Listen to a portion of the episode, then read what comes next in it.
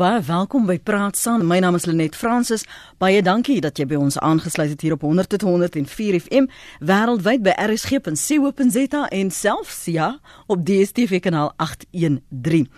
Meer as 22000 babas is of dood by geboorte of sterf elke jaar binne 7 dae in Suid-Afrikaanse hospitale.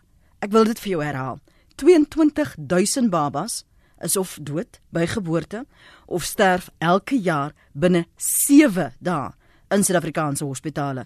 Dis volgens die jongste verslag van Statistiek Suid-Afrika wie se syfers tot by 2013 strek. Dis meer as 60 babas per dag. Dit verteenwoordig 'n skerp stygings sedert 1997 toe dit 13000 sterftes was. So vanoggend op praat saam kyk ons na die risiko's as dit kom by die geboorteproses en hoe ons ons gesondheidstelsel kan verbeter om te verseker dat babas, 'n maas met so 'n wonderlike proses gered word. Vanoggend in Johannesburg praat ons met professor Anton van die Kerk. Ekskuus, hy's in die Kaap hier in Johannesburg is professor Andre Venter, uh, departementshoof vir pediatrie en kindergesondheid by die Universiteit van die Vrystaat. Goeiemôre professor, baie dankie dat jy ingekom het. Goeiemôre Lenet.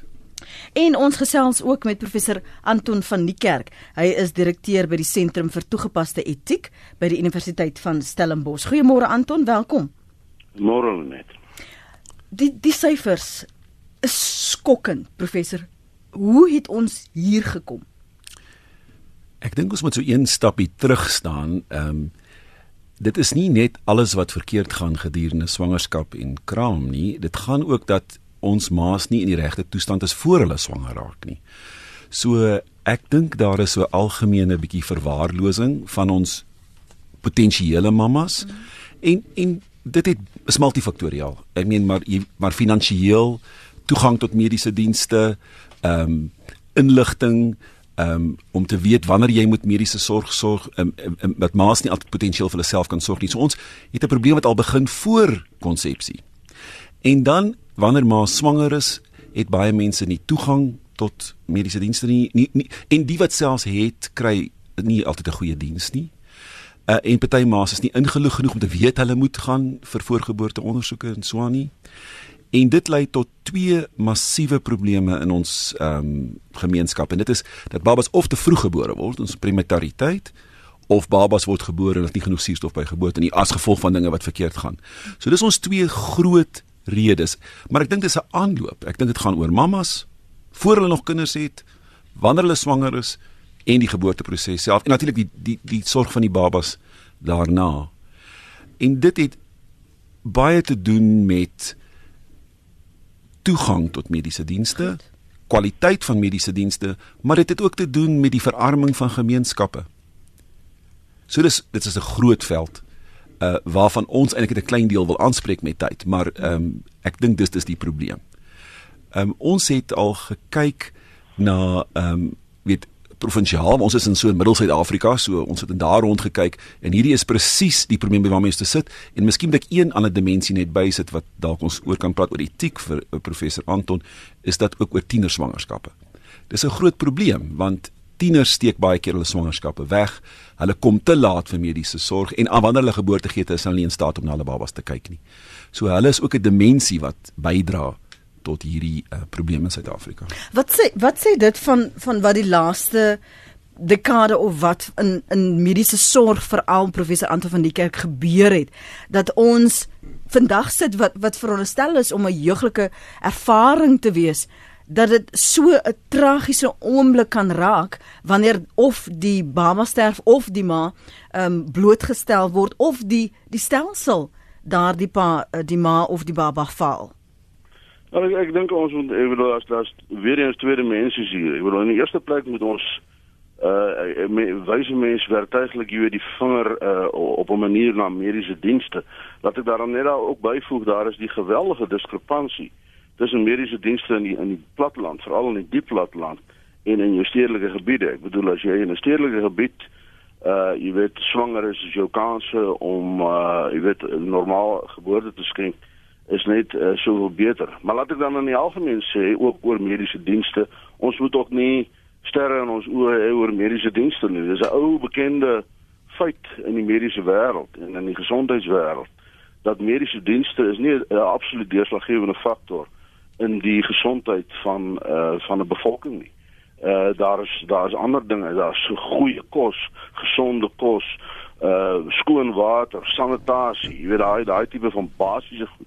Is uiteindelik net so indien nie belangriker nie as mediese dienste in in terme van die van die algemene welsyn van die van die van die bevolking. Uh maar laat ek laat ek dan daarby voeg uh, Lenet, ek bedoel die een saak waaroor ons ook sal moet praat is die uh is die uh, groeiende krisis in ehm um, uh met name uh uh natale sorg, jy weet in die sin van van uh verloskundiges. Die beskikbaarheid van verloskundiges hierdie krisis uh bestaan nie net uh, in die in die private sektor nie dit is besig om op 'n baie ernstige skaal oor te skuif.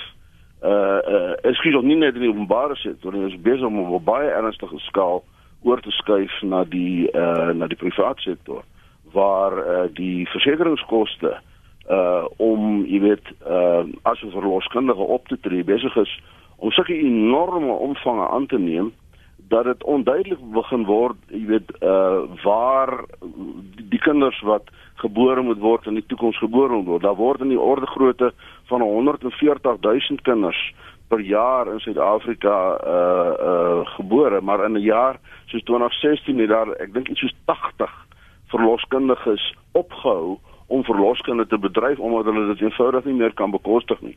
Nou wat hier gebeur is dan kry jy hierdie massiewe skuif verder na die openbare sektor wat reeds oorvol is uh en waarin jou dienste baie keer reeds gekompromiteer is en nou kry jy hierdie uh, addisionele las wat daarop geplaas mm. word. Ek dink as as as mense weet so holisties na al die dimensies van die probleem kyk, dan is dit nie 'n wonder dat ons uh, dat ons met 'n groot probleem sit nie.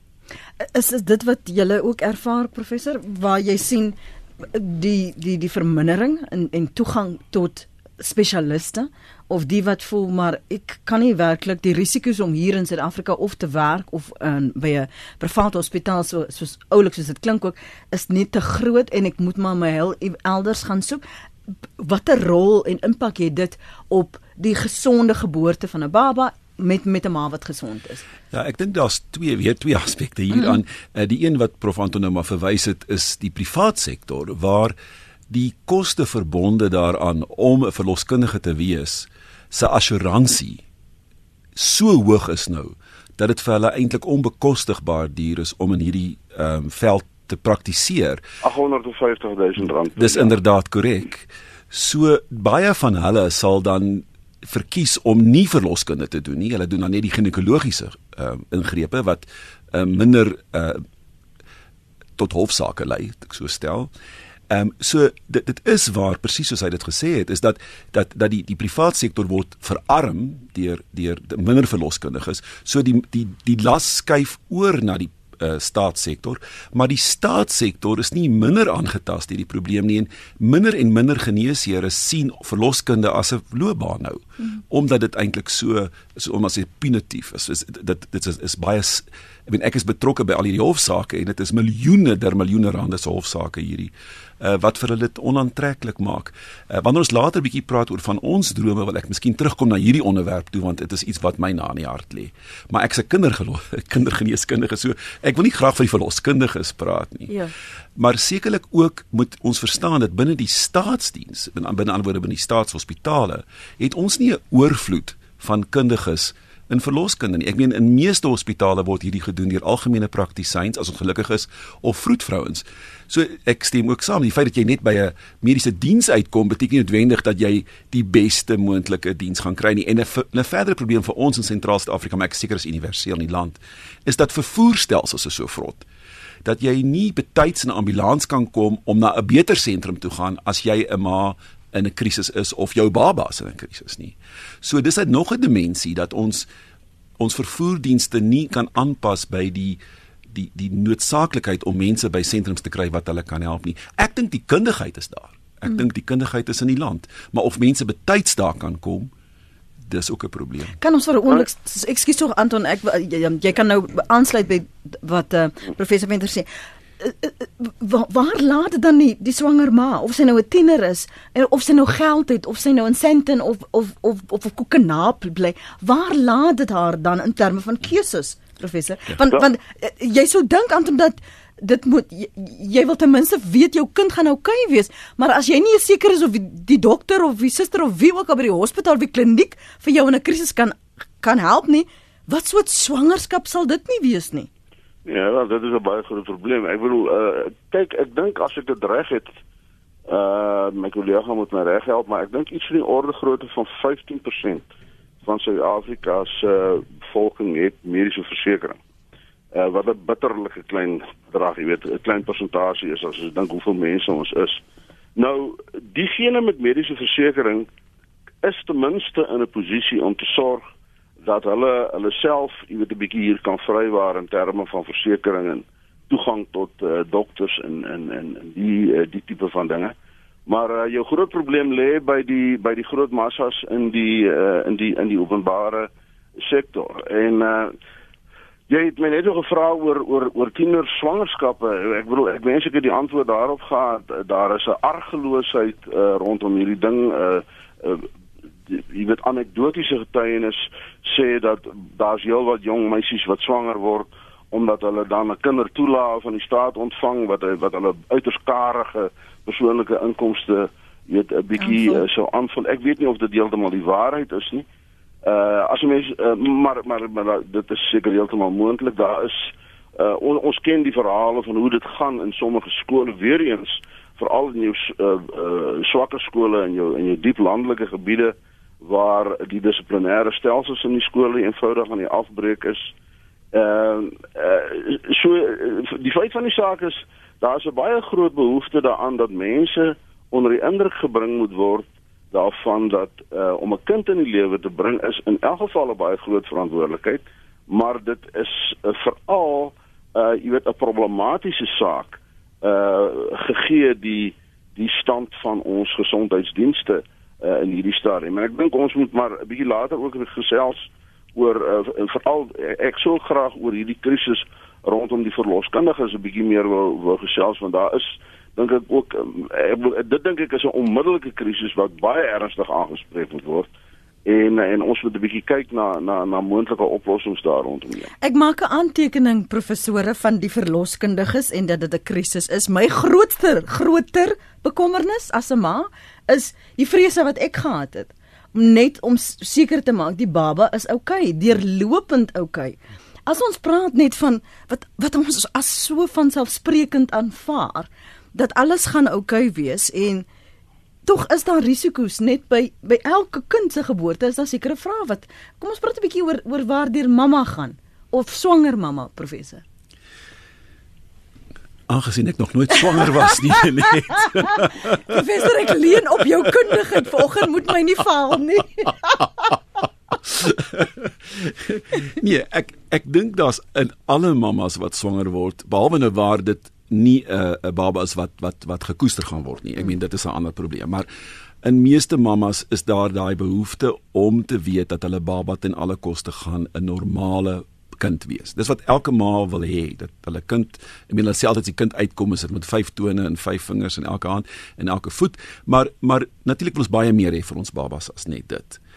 Ehm um, en ek dink miskien moet ek hier net 'n tema inbring wat wat wat ons miskien weer ook gaan besoek en dit gaan oor die beginsel van die eerste 1000 dae. Die eerste 1000 dae gaan oor die beginsel van vandat 'n ma swanger raak, met ander woorde van konsepsie totdat die kind 2 jaar oud word. Is 'n absolute kritiese tydperk in enige ma-kinddiode. Hoekom dit so gestel is en dit is 'n dit is 'n internasionaal aanvaarbare konsep nou, dit is deur die WHO gepubliseer. Dit word in Suid-Afrika ook onderskryf selfs in die presidentskantoor. So die eerste 1000 dae is waar ons die fokus nou op wil sit. Dit sluit ongelukkig ook die verloskundiges in, maar ons sal dan nou daaroor praat. Met ander woorde, ons wil hê dat ons as ons by dag 1 begin, die dag van konsepsie, wil ons alreeds sê dat die ma se gesondheidstoestand, haar fisiese toestand en geestelike toestand so goed moontlik moet wees. So, so een van die dinge wat ek dink ons moet doen is ons moet eintlik al op hoërskole begin praat oor ouer kinde voeding, geboorte ehm um, mm. beperking ehm um, en en ek dink ook finansiële bestuur. Ek dink dis goed met ons goed ons dat ons kinders vroeg al moet begin leer. Jy weet, ons moet op 12 al vir kinders begin leer, ons sal al begin swanger raak. Ja. So, dis 'n ander konsep, maar dis eintlik voor die 1000 dae. So dit is vir my persoonlik 'n baie belangrike aspek en is iets waaraan ons wel bietjie wil aandag gee in, in ons projek. Maar maar dan begin ons op 1000 dae. En daai eerste stuk, dis 9 maande, is net die swangerskap. Nou ons wil hê maas moet na geboorte voorgeboorte sorg toe gaan in alle hoedanighede. En alhoewel dit nou reeds gesê is dat omtrent 15 tot 18% van die mense in ons land het privaat assuransie op een of ander manier, moet ons ook vir mekaar sê dat die grootste meerderheid van hulle het die intree vlak van versorg eh, weet van assuransie. Met ander woorde, dit beperk ook hulle toegang tot baie verskillende goed. Ons ons almal is nie op 'n topskaal nie. En ek dink dis half the missing middle. Ons dink hulle word versorg, maar eintlik is daar nie vir hulle vreeslik baie aan te bied nie. Maar en dan sit hier die hele massa van die die staatspasiënte wat niks het nie. So nou gaan jy as 'n ma na 'n voorgeboorte kliniek toe en daar is vir ons twee probleme. Die klinieke is oorlaai. Das baie vir min susters and and they have to really be everything for everybody. Ek meen dit is 'n probleem.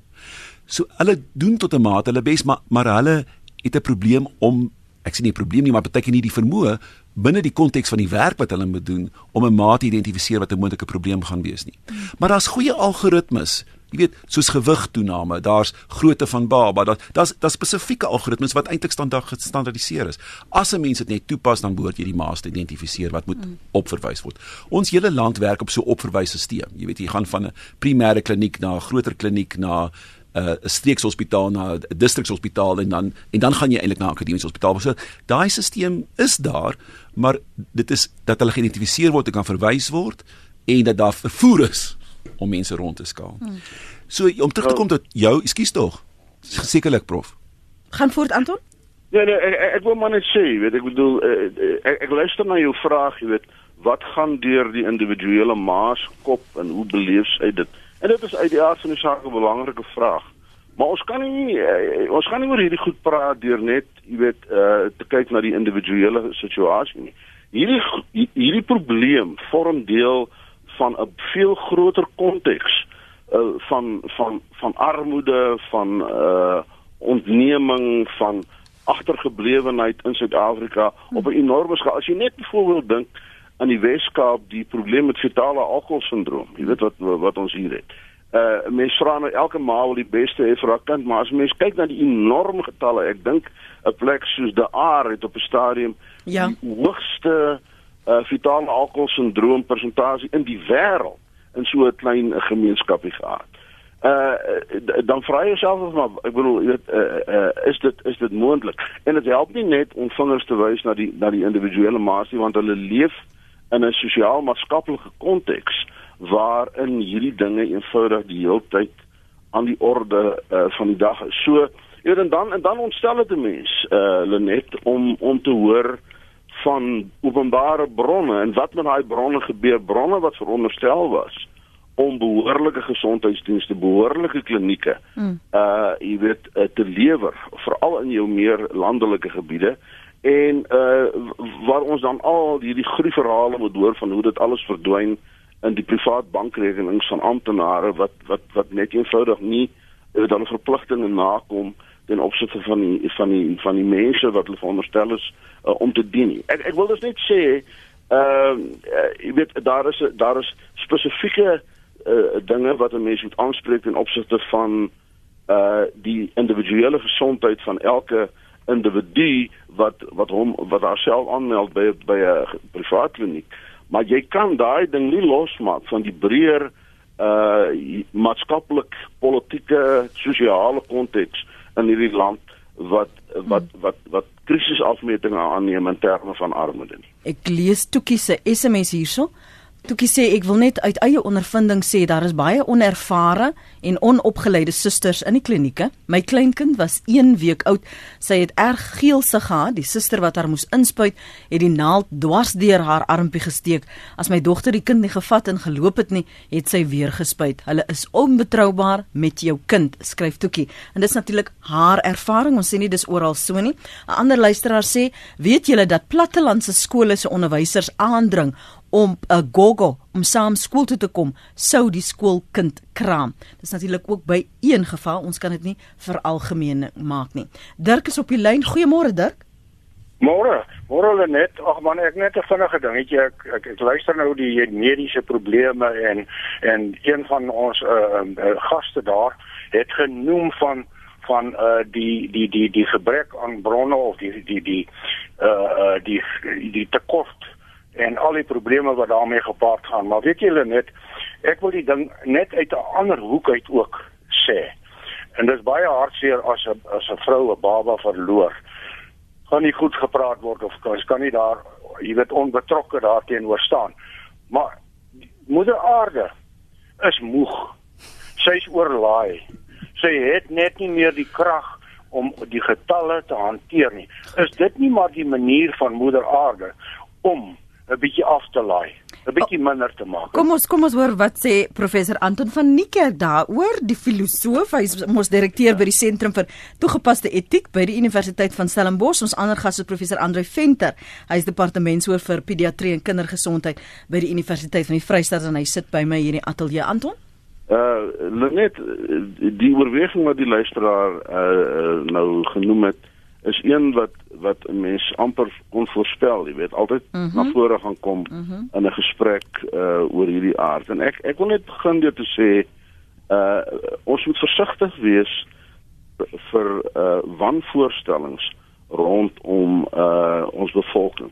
Uh, uh die die uh, uh bevolkingsdigtheid in ons stedelike gebiede in Suid-Afrika, die swart, kom ons noem dit nou maar die ding by sy naam die swart gebiede soos Soweto en Alexandra en alle ander is deesdae presies dieselfde as wat dit in die wit gebiede is. Daar is nie uh daar is nie 'n groter konsentrasie van swart mense nie en hulle hulle hulle hulle neem nie vinniger toe as uh jou tipiese middelklas mense en jou normale oorwegend wit woonbuurte in Suid-Afrika nie. Dit is wel waar dat in die diep platteland, veral ek dink veral hier in die diep platteland van KwaZulu-Natal, daar is die bevolkingsaanwas hoër uh as uh in die in die res van die land. Ehm um, en ja, ek bedoel ek dink ek dink verantwo 'n verantwoordelike omgang daarmee behels dat byvoorbeeld by voorgeboortelike klinieke of klinieke waar vrouens aanmeld uh ten opsigte van hulle swangerskappe dit verantwoordelik is om 'n uh, uh, behoorlike praktyke van gesinsbeplanning aan mense bekend te stel en uh, hulle aan te moedig, jy weet, om uh, om daarvan gebruik te maak en so meer. Maar maar ons ek is nie een van daai mense wat dink dat jy weet al ons probleme in 'n oomblik opgelos gaan word as ons net eenvoudig die bevolkings uh aan was dramaties uh, uh in bedwang kry nie. Feit van die saak is in ons stedelike gebiede waar die oor waar die oorgrootste meeste konsentrasies van die van van ons bevolking is, daar is die bevolkings aan was glad nie so abnormaal. Hmm. Vir die luisteraars wat wil saampraat, een versoek dat ek net weer die nommer gee. Ek doen dit graag 089 1104 553. Dis 089 0891104553. Jy wou aansluit vroeër by 'n punt wat uh, professor Anton van die kerk gemaak het oor armoede en, en jy het mooi een een gesit hoe die stelsel veronderstel is om te bou as jy nie hier hulp kry nie, gaan jy na die volgende, na die volgende stap, so so so streetjies. Maar maar hoeveel vroue het toegang en kan dit bekostig en ek wil graag van ons luisteraars hoor toe jy 'n baba gehad het, toe jy gekraam het, wat was jou opsies? Wat was die keuses? Wat het wat kon jy bekostig? Laat ons ook dit sê. Want vir sommige jy het dit uitgewys professor, kan jy nie elke week 'n taxi vat of ja, vir elke besoek wat jy by die kliniek moet moet maak nie. Ja, dis heeltemal reg. Ek ek wou eintlik die die saak gemaak het dat ons het twee groot dilemma's in Suid-Afrika. En die een is armoede en onkunde en daar is 'n groot klomp werk wat moet gedoen word om ma's op te voed. En ek noem weer die 1000 dae want daai 1000 dae ons gaan nou aan oor die mammas praat maar ek's 'n kinderarts so vir my gaan dit van die baba van geboorte ja, af aan. ja, ja. en en die hele ding van stimulasie voeding immunisasie al daai goeders is belangrik. So dis waarom daai konsep so 'n lekker konsep is want ons kan vir mamma sê daai 1000 dae is regtig krities belangrik. Nie net vir jou nie maar vir jou kind en sy ontwikkeling. Maar so dit is vir die mense wat wat heeltemal geen toegang het nie en en, en ek weet nie hoe ons dit gaan oplos nie maar dit is 'n probleem van 'n staatsoogpunt gesien en ek dink dis die verantwoordelikheid wat ons het as die geneeskundiges wanneer 'n mamma dan die behoefte het, het gesê hoe dink 'n mamma wat swanger is sy gaan nou kliniek toe sy is opgevoed sy weet sy moet gaan dat as sy daar kom en die gesondheidsdiens faal haar dan het ons 'n groot vinger wat na ons toe wys. Ehm um, weens al die redes wat ons nou reeds genoem het, mm -hmm. kan dit gebeur. So ek dink van ons moet ook ons huis skoon kry en ons moet sê maar ons moet seker maak dat daar waar mammas in die dienste inkom dat jy mense het ons het nie superkundiges nodig nie ons het net effektiewe mense nodig. Wat kan weet hierdie mamma moet ek verwys hierdie mamma's fyn ehm um, en en en en ek dink dis 'n probleem. Uh, daaraan sal ons moet aandag gee want jy kan weet ons kan anekdotaal honderde mm. stories hoor van mammas wat gegaan het Maar ten spyte daarvan is dit krities vir ma's as hulle swanger is om binne in die gesondheidsdiens eintlik iewers in te kom. Ek op daai punt, kom ons kom ons maak net ons vinniger ons maak gou progressie hierso. Ek gaan terugkom na die 1000 dae en ek gaan terugkom na julle projek. As ek nou 'n lysie moet optrek oor waar is die probleme? Geef my die eerste 3 wat wat onmiddellik uitstaan as ons praat oor gesondheidstelsel. As ons nou vir Aaron Motsoaledi, die minister van gesondheid sê hierso hieraan moet gewerk word. Wa waar moet moet hy begin? Want uh, Cyril Ramaphosa het gesê send me. Nou send ek vir jou professor uh, Venter. Dan net jy wil ek moet nog my werk hê hierna. nee, is toegang. Toegang. Ek maak aantekening. Kundigheid en toerusting.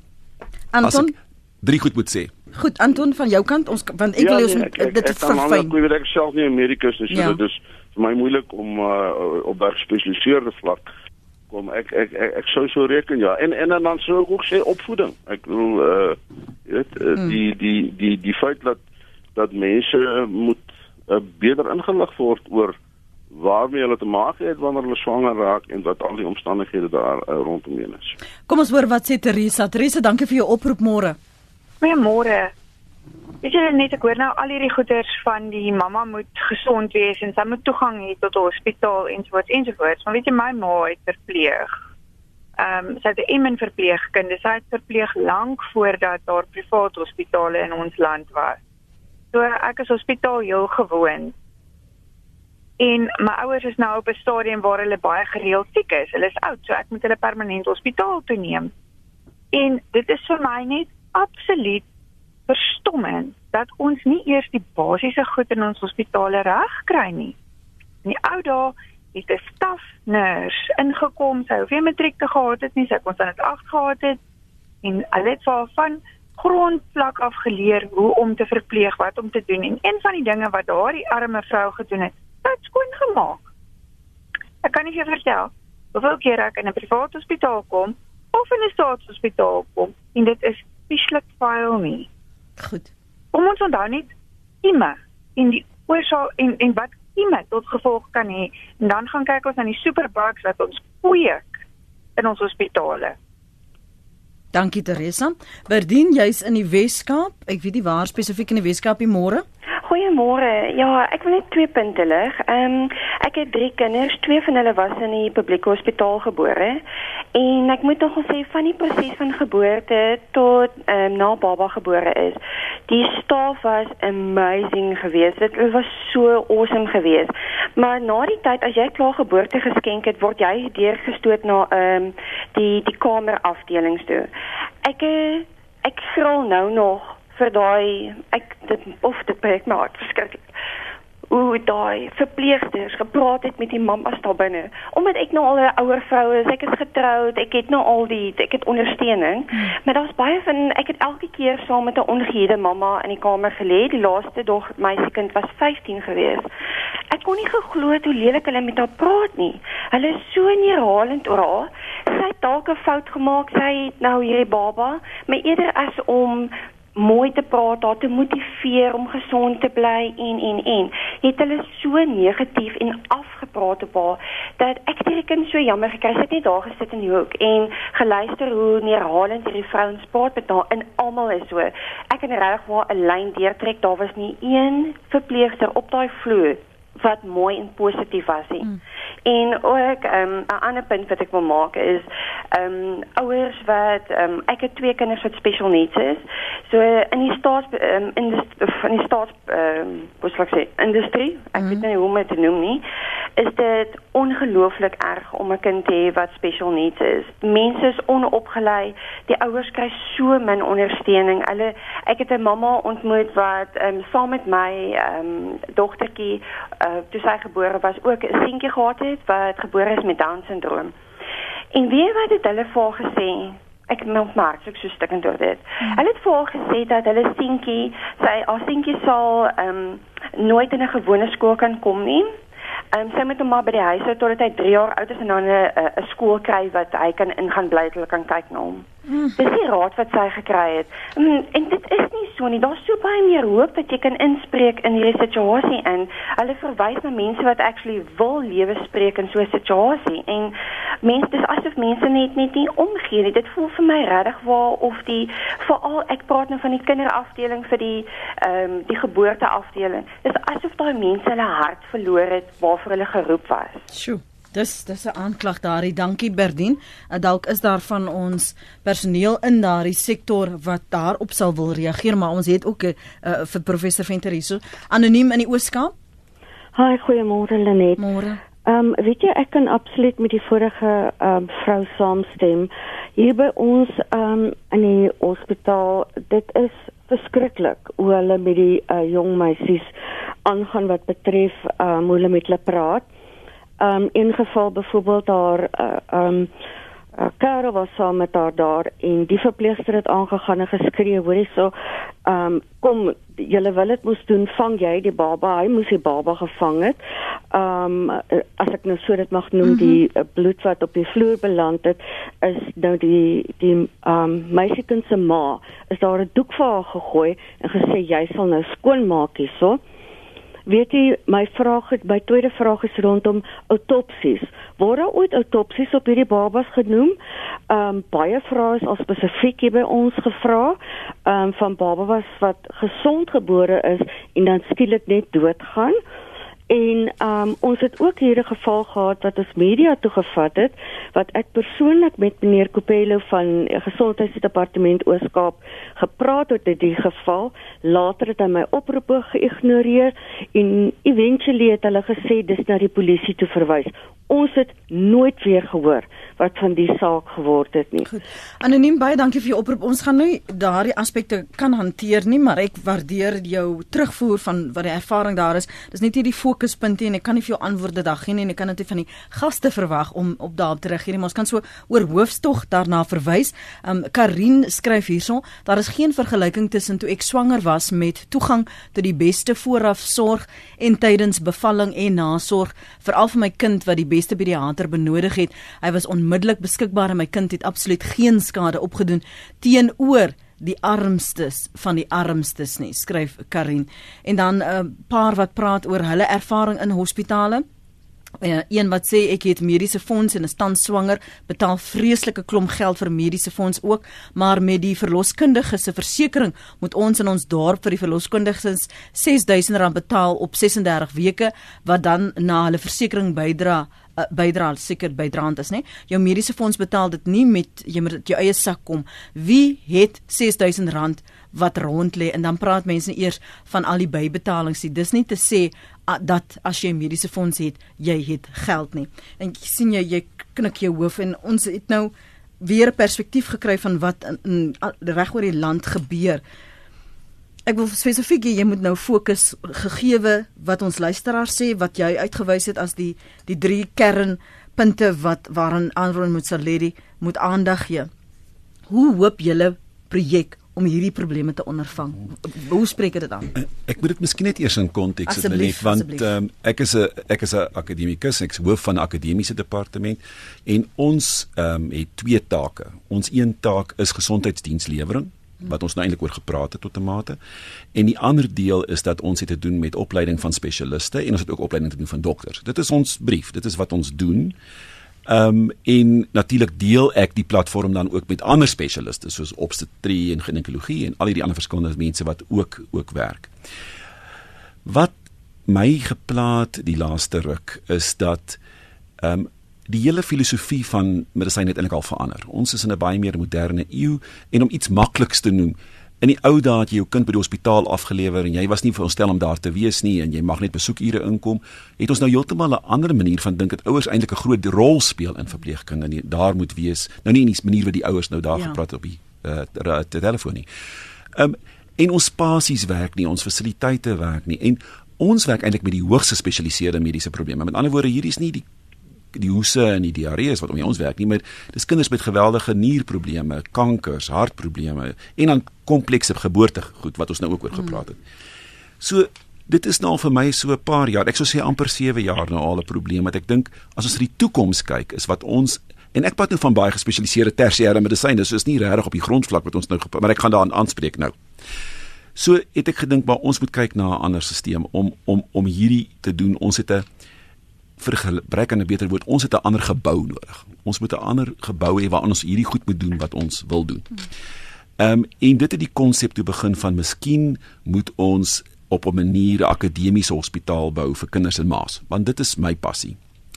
Maar voor ons daar kon uitkom, ons het met baie mense gepraat. Baie mense van universiteit, baie mense van departement gesondheid en ons het baie ondersteuning gekry van albei. Want want ons Suid-Afrika het ons nie so 'n konsepie. Nee, ons het nie heeltemal so 'n 'n 'n spesifiek koepele hmm. Tipe van hospitaal wat alle dienste moet aanbied nie. Ehm um, en ons het begine praat oor hierdie konsep en toe kom ons agter dat eintlik het ons 'n 'n stigting nodig wat hierdie ding kan dryf want dis 'n groot nie alleen nie maar ek gaan nou verder praat want ons nie net oor die hospitaal nie dit gaan oor baie meer as dit ons gaan 'n paar bietjie praat oor hierdie ander konsepte wat ons nou oor gepraat het so ons het toe 'n um, stigting en en ek kan nie Engelse woord gebruik want dit is net dit is hoe ons dit die publiek gaan bemark. Dis die Mecca Foundation M A C A H. Dit staan vir the Mother and Child Academic Hospital. Dit is ons fokus maar dis nie ons enigste fokus nie. Het ons besluit ons gaan hierdie um, stigting gaan ons aan mekaar sit. En ons was ontsettend gelukkig. Ons het deelgeneem aan 'n soort van 'n kompetisie ehm um, vir befondsing vir so 'n uh, uh, ontwikkeling van so 'n stigting uh met die Karel en Emily Voegs Foundation en ons was gelukkig een van die mense wat hulle gekies het om te befonds. Ons het heelwat gelde van hulle ontvang waarvoor ons baie dankbaar is en met dit het ons nou hierdie foundation ontwikkel. Dis 'n om hom geregtelik ehm um, te stig. Hy is 'n 'n 'n nie ehm um, vir uh, winsbejag Eh, maar is 'n is 'n is is 'n ehm 'n besigheid, dit is 'n company. Ehm um, met direkteure en ons het hom die eerste taak wat ons nog gehad vir die laaste jaar is om dit 'n wettige ding te maak met al die ehm um, wettige goed wat ons moes doen, al die finansiële goed wat ons moes doen en al die mhm. goed wat ons moet doen. En toe het ons dit is wat ons nou gister gelons het. Die fokus van die foundation is drie goed. Die een is die hospitaal, En hoekom jy ons vroeër gepraat oor obstetrie? Ek dink dis 'n geleentheid vir ons om 'n fantastiese obstetrie eenheid daar te ontwikkel wat ons selfs vir die privaat pasiënte wat in daai probleemkategorie kom kan voordiens gee. So ek dink dit is 'n baie positief mm. onder andere, maar ons wil natuurlik al die kinders ons daar behandel. Die tweede deel is die Seven Days projek. En dis hoekom ek dit nou voorheen genoem het. Ja. Dit gaan ons gaan ons partner saam met die universiteit en dit het selfs van primêre gesondheid wat ons nou mee oor gepraat het, die staai probleme soos immunisasie, voeding, ontwikkeling, gaan ons daarop fokus, maar in die gebied wat ons bedien, natuurlik kan ons nie als vir almal wees nie, reg op tot tersiêre pediatrie soos pediatriese kardiologie. En die derde been is dan om wat ons het op te gradeer. So ons sale fisies mooi te maak, die spasies beter te maak, maar ons tegnologie te verbeter en ook sodat ons die filosofie van die moderne medisyne kan uitleef. So dit is die fokus hmm. van die hoe, foundation. Hoe, hoe raak dit dan aan hierdie toegang, die kundiges en die toerusting waarvan jy gepraat het? Wel in die 1000 days gaan ons dit nou regtig vat tot in die gemeenskap. So ons het 'n gemeenskap geïdentifiseer waar ons gaan begin. So mag mag ons weet waar? Dit is in die Tromsburg area. Okay. Ja, dit is deel van die universiteit se uitreik. So ons gaan daar begin. Ehm um, ons is reeds besig om uit te reik. Ek ek persoonlik gaan al reeds soontoe om kinders te sien met ontwikkelingsprobleme. So ons is reeds betrokke daar. Mm. Maar die idee is om 'n model te ontwikkel daar wat kan werk sodat ons deur die departement ons um, gesondheidsdepartement dit kan uitrol vir die res van sentraal Suid-Afrika. Dit is eintlik half die idee. So dit is 'n mikrokosm, maar ons moet iewers begin. om dit aan te spreek. So dit dan van toegang van voorgeboortesorg tot geboorte. Hulle is ook hulle verwys ook na ons toe vir hulle moeilike pasiënte. So ons is deel van daai siklus tot reg tot by tersiêre geneeskunde waar ons sub gespesialiseerde mm. Dokters moet hê.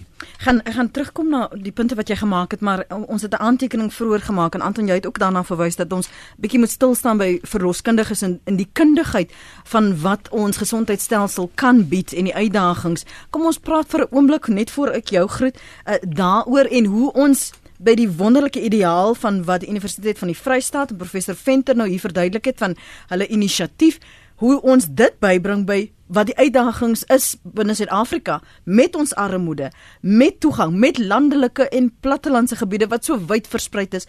Hoe bring ons dit bymekaar sodat ons aan die einde van die dag 'n beter land is?